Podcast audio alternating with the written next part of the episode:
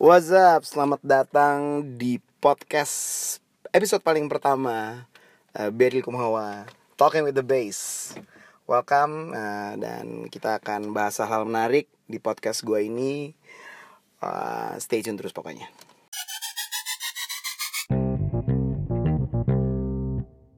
Iya, jadi setelah berkonsultasi dengan teman-teman di Twitter dan sempat iseng tweet soal pengen bikin podcast, akhirnya terbersit ide setelah kemarin gue sempet bikin thread di Twitter ngebahas tentang menyikapi jazz festival yang tidak jazz. Jadi kayaknya seru juga kalau gue ngebahas tentang itu justru.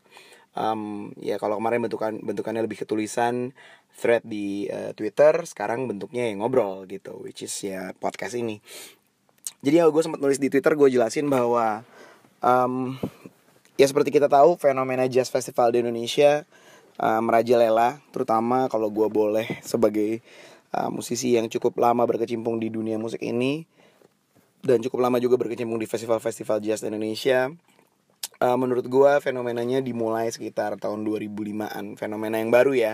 Dulu sebenarnya sempet hits banget jazz uh, di era-era bokap gue lagi rajin-rajinnya main uh, tahun 88 1988 ada jazz festival salah satunya ada Jack Jazz uh, jazz nasional pertama. Sebelumnya kalau kita tarik mundur tahun 76 sebetulnya yang paling pertama bikin Jazz Goes to Campus. Um, ada FEUI di UI dengan Jazz Goes to Campusnya salah satu penggiatnya Mas Chandra Darusman. Bokap gue juga termasuk salah satu orang yang waktu itu dijadiin konsultan sama mereka. Dan um, kalau nggak salah Jazz Goes to Campus tuh umurnya sama persis dengan North Sea Jazz Festival di Belanda cuman dia sempat absen satu tahun tapi karena dia absen satu tahun makanya jadinya usianya sama persis. Um, sementara uh, North Jazz mulai lebih telat justru daripada Jazz Gusto Kampus lalu tadi seperti gue bilang di tahun uh, 88 ada Jack Jazz yang diperakarsai oleh uh, almarhum Om Ira Maulana. Uh, lanjut dibikin lagi tahun 91 tahun 93 uh, 94 95 kalau nggak salah 96 97 sempat ada lalu mereka sempat vakum. 2006 mulai lagi uh, 2007 2008 sempat vakum bentar lagi um, mulai lagi 2011an kalau nggak salah. Dan gue denger denger bakalan mulai lagi kalau nggak salah tahun depan 2020 dan gue salah satu orang yang uh, cukup beruntung untuk bisa terlibat di Jack salah satu uh, Jack Jazz Festival terutama tahun 2006 di mana itu pertama kali uh, Bill Kumau Project tampil. Uh, waktu itu personilnya masih Niki Manu Putih ada Andre Dinut drummernya masih Sandi Winarta keyboardisnya Hani Eka Putra um, vokalis waktu itu kalau nggak salah harusnya ngajak Matthew cuman uh, cuma Matthew nggak bisa. Jadi kalau nggak salah yang nyanyi waktu itu Danto yang nyanyi sama gue di mati saja juga. Um, lalu kalau gue pribadi memang tumbuh besar dengan uh, Jack Jazz karena gue pertama kali ketemu sama Liri Tenawar which is eh, sorry gue salah ngomong Liri Tenur kali ya. Liri, Liri Tenur ya. Kebiasaan dari kecil bilangnya Liri Tenawar padahal Liri Tenur um, dia salah satu gitaris favorit gue yang um, gue dengerin banget karya-karyanya. Dan gue pertama kali ketemu sama dia tuh tahun 91 di Jack Jazz Festival. Which is mengejutkan banget buat gue karena akhirnya gue bisa lihat orangnya langsung setelah gue suka dengerin albumnya. Uh, waktu itu album favorit gue dari Liri Tenor uh, Liri Tenor judulnya Stolen Moments di mana dia bawain lagu-lagu jazz lama kayak Stolen Moments salah satunya. Lalu ada juga uh, dia bikin lagu uh, kalau dia bukan bikin lagu nggak salah tuh lagu lama juga lagunya West Montgomery uh, judulnya Uptown. Um, seru banget dan gue inget banget tuh yang personel yang main ada John Patitucci ada Dave Weckl segala macam. Akhirnya gue ketemu dia langsung gue masih kecil dan dia yang bingung. Waktu dikenal yang bokap nyokap dibilang ah ini penggemarnya Little dia bingung what? Really? Bilang terus dia kayak nanya. Gue ada fotonya terus dia kayak nanya uh, lu tahu lagu gue yang mana? Dan gue akhirnya nyanyiin sepenggal lagu Uptown which is uh, gue ngefans banget um, ya itu uh, fenomena jazz festival di awal-awal dulu ya. Lalu sempat hilang dan vakum ya bukan vakum sih mungkin kehilangan penggemar ya. Lalu tahun 2005 dengan adanya Java Jazz Festival jazz di Indonesia jadi heboh. Which is gue sangat beruntung karena seperti gue bilang gue menjadi bagian di dalamnya. Um, terutama mulai tahun 2006 sampai sekitar 2015an um, BLP salah satunya yang paling aktif banget di hampir semua panggung jazz festival. Kita main di mana-mana di Java Jazz, Jack Jazz, uh, Jazz Traffic di Surabaya. Kita main di um, Jazz Traffic sempat dibikin di Semarang, sempat dibikin di Solo. Kita hampir main semuanya. Lalu ada Lumpia Jazz, lalu um, kita sempat main di uh, Ngayok Jazz, sempat main di Jazz Gunung Bromo, ada festival di Balikpapan, uh, um, Kalimantan. Ah dulu apa namanya? Gue lupa. Uh, Jazz Fiesta, Mahakam Jazz Fiesta kalau nggak salah sempat main di Samarinda, main di pokoknya hampir di semua kota-kota um, di uh, Indonesia hampir semuanya kita main. Um, seru-seru banget. Ambon Jazz Festival juga uh, Manado bahkan sempat ada Manado Jazz Festival. Kalau nggak salah Indonesia tahun 2000 berapa tuh? 2011an kita punya 50 jazz festival salah satu yang terbanyak di seluruh dunia. Um, cuman sayangnya surut satu persatu gitu. Dan belakangan seperti yang kita tahu udah nggak banyak lagi jazz festival. Dan fenomenanya sekarang justru yang tampil di jazz festival um, kebanyakan memang justru bukan musisi jazz. Uh, which is sebetulnya itu sesuatu yang sudah biasa ya kalau gue boleh bilang. Uh, North Sea Jazz Festival dari dulu nampilin ada tiba-tiba bisa ada um, um, what's that band name? Kok gue lupa mendadak. Di Purple bisa main di di uh, jazz festival. Uh, Eric Clapton walaupun agak nggak fair karena Eric Clapton sih memang main blues dan blues adalah akar dari jazz jadi masih ada tautannya masih ada nyambungnya Um, tapi maksudnya dari dulu um, artis-artis pop tuh biasa main di jazz festival. Kenapa? Karena nggak bisa dipungkirin mereka ini yang menarik masa yang lebih luas demografiknya supaya nggak cuma di situ aja dan bisa bikin festival yang besar. Nah problemnya waktu itu gue lihat jazz festival di Indonesia adalah semua mencoba pengen jadi kayak Java Jazz, uh, di mana mereka bikin tiga hari lalu harus punya panggungnya banyak, um, artisnya harus lebih dari 10 gitu. Sementara uh, pengalaman gue gue pernah tampil di Vienna Jazz Festival bantuin Mas Diki Darmawan itu festivalnya diadain um, dalam seminggu uh, cuman ada satu panggung satu panggung itu satu hari tiga artis Habis itu yang puncaknya di hari terakhir dia dua dua panggung aktif, masing-masing panggung tiga artis, uh, berarti enam artis dalam satu hari. Jadi uh, lebih fokus dan mereka berjalan lancar bahkan sampai sekarang pun masih berjalan. Sayangnya di Indonesia hampir semuanya mencoba pengen bikin kayak Java Jazz, which is harus besar, harus ada panggung gede, harus ada special show. Pada akhirnya uh, ide dan konsep dari festival itu sendiri yang membuat um, jazz festival ini malah mati suri. Beberapa jazz festival ini jadi mati suri. Kenapa? Karena um, idenya lebih besar dari dananya. Idenya lebih besar dari uh, penggemar jazz di Indonesia sendiri. Kenapa? Karena sebetulnya penggemar jazz di Indonesia tuh masih perlu diedukasi banget. Gue inget um, berapa tahun lalu waktu Jason Mraz datang ke Indonesia, uh, gue pernah dapat broadcast message dari salah satu provider di um, Indonesia waktu itu ya provider telepon which is SMS ke nomor gue terus bilang mau nonton uh, musisi jazz ternama dunia? Disebutin di antaranya Jason Mraz, uh, Brian McKnight, Babyface. Gue ketawa karena semua yang disebutin ini bukan musisi jazz mereka musisi pop. Um, sungguh menyedihkan kenapa? Tapi menyedihkannya gini sebenarnya nggak menyedihkan banget karena sebetulnya memang edukasinya yang kurang di Indonesia belum bisa bedain mana jazz, mana R&B, mana funk, mana, belum belum banyak orang Indonesia bisa bedain gitu. Mereka semua masih nganggep oh kalau chordnya miring berarti ini jazz, oh kalau musiknya susah berarti ini jazz. Jadi orang juga bahkan masih suka bingung ini progresif, progresif rock apa jazz ini apa ya fusion bingung gitu. Jadi um, sebenarnya wajar. Um, yang sempat gue bahas di Twitter kemarin adalah sayang banget um, kalau jazz festival ini akhirnya uh, menjual nama-nama yang nggak jazz justru di headlinernya mereka. Sementara musisi-musisi jazznya malah gak kebagian panggung um, banyak banget um, tiba-tiba ada nama-nama boy band lah muncul di jazz festival. Um, yang pernah personel di boy band di mana boy band boy band luar artis internasional.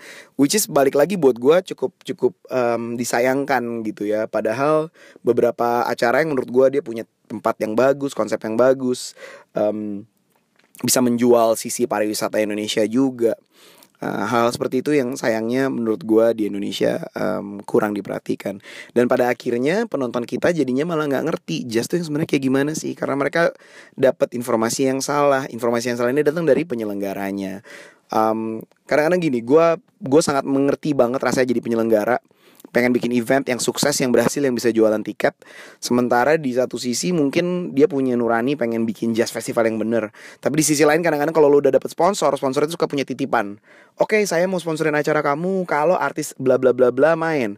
Kalau artis A B A B C D main gitu. Jadinya itu jadi sesuatu yang um, buat gue nggak uh, bisa disalahkan dari si penyelenggara.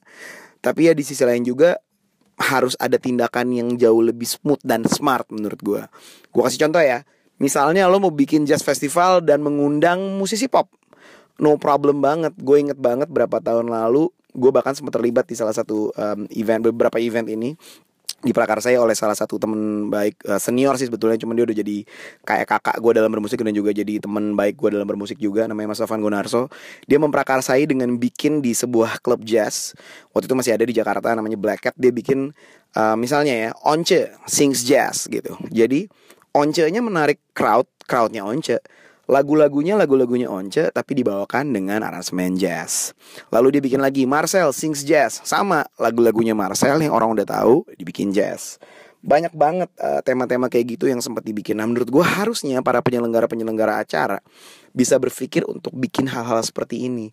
Jadi ketika lo tampilin artis pop, artis pop ini bakal tampil di jazz festival dengan konsep yang berbeda daripada waktu dia manggung di pensi besokannya gitu. Karena kadang-kadang gue perhatiin gini ya gue nggak menyalahkan artisnya juga karena biar gimana pun lu kalau udah dalam kondisi tour lu udah gak punya waktu buat latihan, lu dapet jadwal yang lu pikir cuma udah gue mainin lagu-lagu yang emang udah biasa kita mainin sebagai repertoire, paling cuma ada penyesuaian. Nah tapi harusnya para um, jazz festival penyelenggara ini punya kuratornya masing-masing yang bisa bilang gini, oke, okay, gue mau lo tampil di acara gue karena gue tahu lo punya masa lagu-lagu lo keren-keren, tapi gue boleh nggak gue sediain lo arranger misalnya ya, arranger ini dia special uh, ngerange lagu-lagu lo jadi ada nuansa big bandnya. Hal seperti ini yang dilakukan sama North Jazz Festival salah satu contohnya. Waktu uh, bikin bikin Deep Purple dia with big band gitu atau with orchestra uh, Phil Collins waktu manggung di Montreux Jazz Festival dia nggak bawain konsepnya dia yang biasa. Dia malah main drum di situ dan big band Phil Collins big band. Lagu-lagunya tetap lagu-lagu Phil Collins. Nah hal, -hal seperti ini menurut gue harusnya bisa jadi bahan jualan buat penyelenggara jazz di Indonesia uh, Jazz Festival di Indonesia. Kenapa? Karena peminatnya masih banyak buktinya Jazz Festival masih laku. Tiap tahun masih dibikin. Sayangnya jadinya persentase jazznya malah berkurang. Hanya ada beberapa jazz festival di Indonesia yang masih bertahan uh, dengan um, persentase sekitar 70 sampai 30, 70 artis jazz, 30-nya artis pop. Sementara ada yang ya sorry itu saya udah 70 artis pop tapi 30 artis jazz di nggak dimasukin pula di headline cuma dikasih panggung kecil. Ya gue sebagai salah satu penggiat musik jazz dan salah satu musisi jazz juga gue merasa hal-hal seperti ini jadinya agak diskriminatif. Kenapa diskriminatif? Karena jadinya musisi-musisi jazz ini nggak punya alasan untuk memberikan performance yang terbaik kadang-kadang bayarannya kecil banget lebih kecil, jauh lebih kecil dari para artis pop ini. Um, dapat panggungnya juga nggak dihargain terus penontonnya juga kadang nggak ngerti. Nah hal, hal seperti ini jadinya uh, jadi kayak lingkaran setan yang nggak bisa kita keluar gitu karena semuanya jadi bertautan gitu. Gue sedih banget waktu di salah satu jazz festival di Jakarta gue pernah ngeliat ada orang bule ya ini sedih banget sih buat gue ini dua tiga tahun lalu. Uh, tepatnya di Java Jazz dia keluar dari salah satu hall which is salah satu hall itu yang main memang artis pop sih um, sekali lagi gue nggak nggak bermaksud menyalahkan artis popnya no. Dia gue gini gue penggemar musik segala jenis musik. Uh, buat gue musik apa pun itu keren. Tapi kalau dia salah tempat jadinya menjadi sesuatu yang salah. Gue nggak mengunderestimate musisinya. Tapi gini penempatan dia di jazz festival mungkin kurang tepat. Sehingga si bule ini keluar dengan marah-marah casing cursing. Um, bahkan ada effort segala dia marah-marah di samping gue kurang lebih dia ngomong kayak what the bleep gitu ya. This is not jazz man gitu. This is not jazz music. What what the bleep are they thinking about gitu. Maksudnya kayak buat dia kayak ini nggak jazz. Kenapa lu bilang ini jazz festival sementara gue nonton artis yang nggak jazz? Um, pernah ada juga fenomena yang gue juga alamin sendiri waktu gue masuk ke panggungnya Richard Bona. Penuh banget hallnya di Java Jazz tahun berapa tuh gue lupa. Gue seneng banget gila Richard Bona ada yang tahu di Indonesia Raya ini which is karena gue basis juga. Wow Indonesia udah keren banget penonton Richard Bona ternyata penonton ini menantikan um, artis pop Indonesia which is gue nggak perlu sebut gue nggak mau sebut juga sih. Um, tanpa bermaksud karena gue juga nggak ada maksud menghina cuman takutnya kalau gue ngomong nanti orang salah nangkep. Uh, tapi begitu disebut bahwa artisnya Richard Bona mereka kayak oh kita kira bakalan si artis pop ini yang main. Akhirnya hampir setengah dari hall itu keluar dari ruangan dan ya gue yang tadinya udah nggak kebagian tempat ya jadi gue bisa maju dan gue nonton paling depan nonton Richard Bona nah fenomena-fenomena seperti ini yang sayangnya um, terjadi di Indonesia. Tapi di satu sisi gini yang gue pribadi seneng sebagai seorang musisi jazz. Sisi positifnya adalah gini, bukti bahwa musik jazz itu masih jualan di Indonesia. Musik jazz itu masih ada peminatnya. Uh, di sisi lain juga secara demografis ini pendapat gue ya gue nggak tahu apakah benar atau salah kalau memang ada penyelenggara festival yang mungkin denger ini dan ngerasa gue bikin sesuatu statement yang salah boleh dikoreksi gue sangat open for correction. Tapi pendapat gue gini kadang-kadang kalau lo bikin jazz festival dibanding sama rock festival udah dijamin uh, jazz festival itu yang datang demografik penontonnya seperti apa. Pasti mereka jarang banget rusuh pasti mereka nggak ragu untuk spend. Uh, food court lo pasti bakal penuh dengan orang-orang yang mau beli makanan beli minuman uh, harga tiket bisa mahal dan mereka bisa beli Uh, kebanyakan dari mereka mereka akan jaga kebersihan, gak rusuh dan lain-lain. Sementara sorry to say banyak festival lain yang memang demografisnya otomatis jadi lebih rusuh dan segala macam. Nah hal-hal kayak gini yang uh, mungkin menjadi kekuatan hingga nama jazz itu terus menjadi bahan jualan yang bagus. Tapi kalau terus-menerus seperti ini dalam artian fenomenanya adalah jazz festival tapi yang tampil bukan jazz.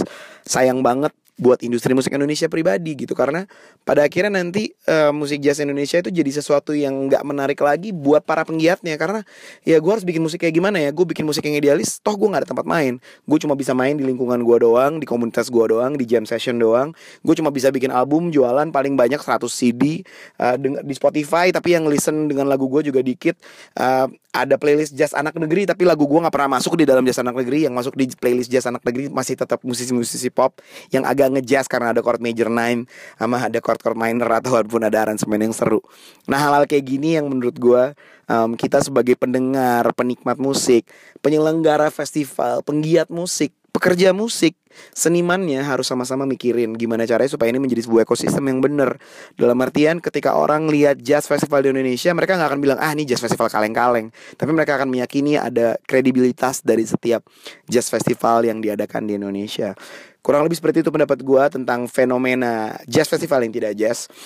Nah, sekali lagi gue nggak tidak mendiskreditkan siapa-siapa, gue nggak mendiskreditkan para musisi yang main, tapi uh, yang musisi pop yang main di jazz festival itu nggak salah. Karena menurut gue gini mereka ngejual banyak banget dari mereka yang bisa bawa bawa fansnya, bawa crowdnya untuk bisa datang sehingga jazz festival bisa rame. Bahkan harusnya uh, jazz musician seharusnya berterima kasih dengan para artis pop ini yang tampil di jazz festival, walaupun kadang-kadang jadinya sisi menyedihkannya bayaran mereka pasti uh, tiga kali lipat dari para musisi jazz yang cuma trio atau cuma empat orang, um, tapi setiap setidaknya mereka ini membawa crowd dan membuat jazz festival itu bisa bertahan terus sehingga kita punya platform uh, musisi jazz punya platform untuk mereka bisa main dan punya tempat mereka diapresiasi. Um, itu aja dari gua, gua Beril Kumahwa. Sekali lagi terima kasih udah dengerin podcast pertama gua.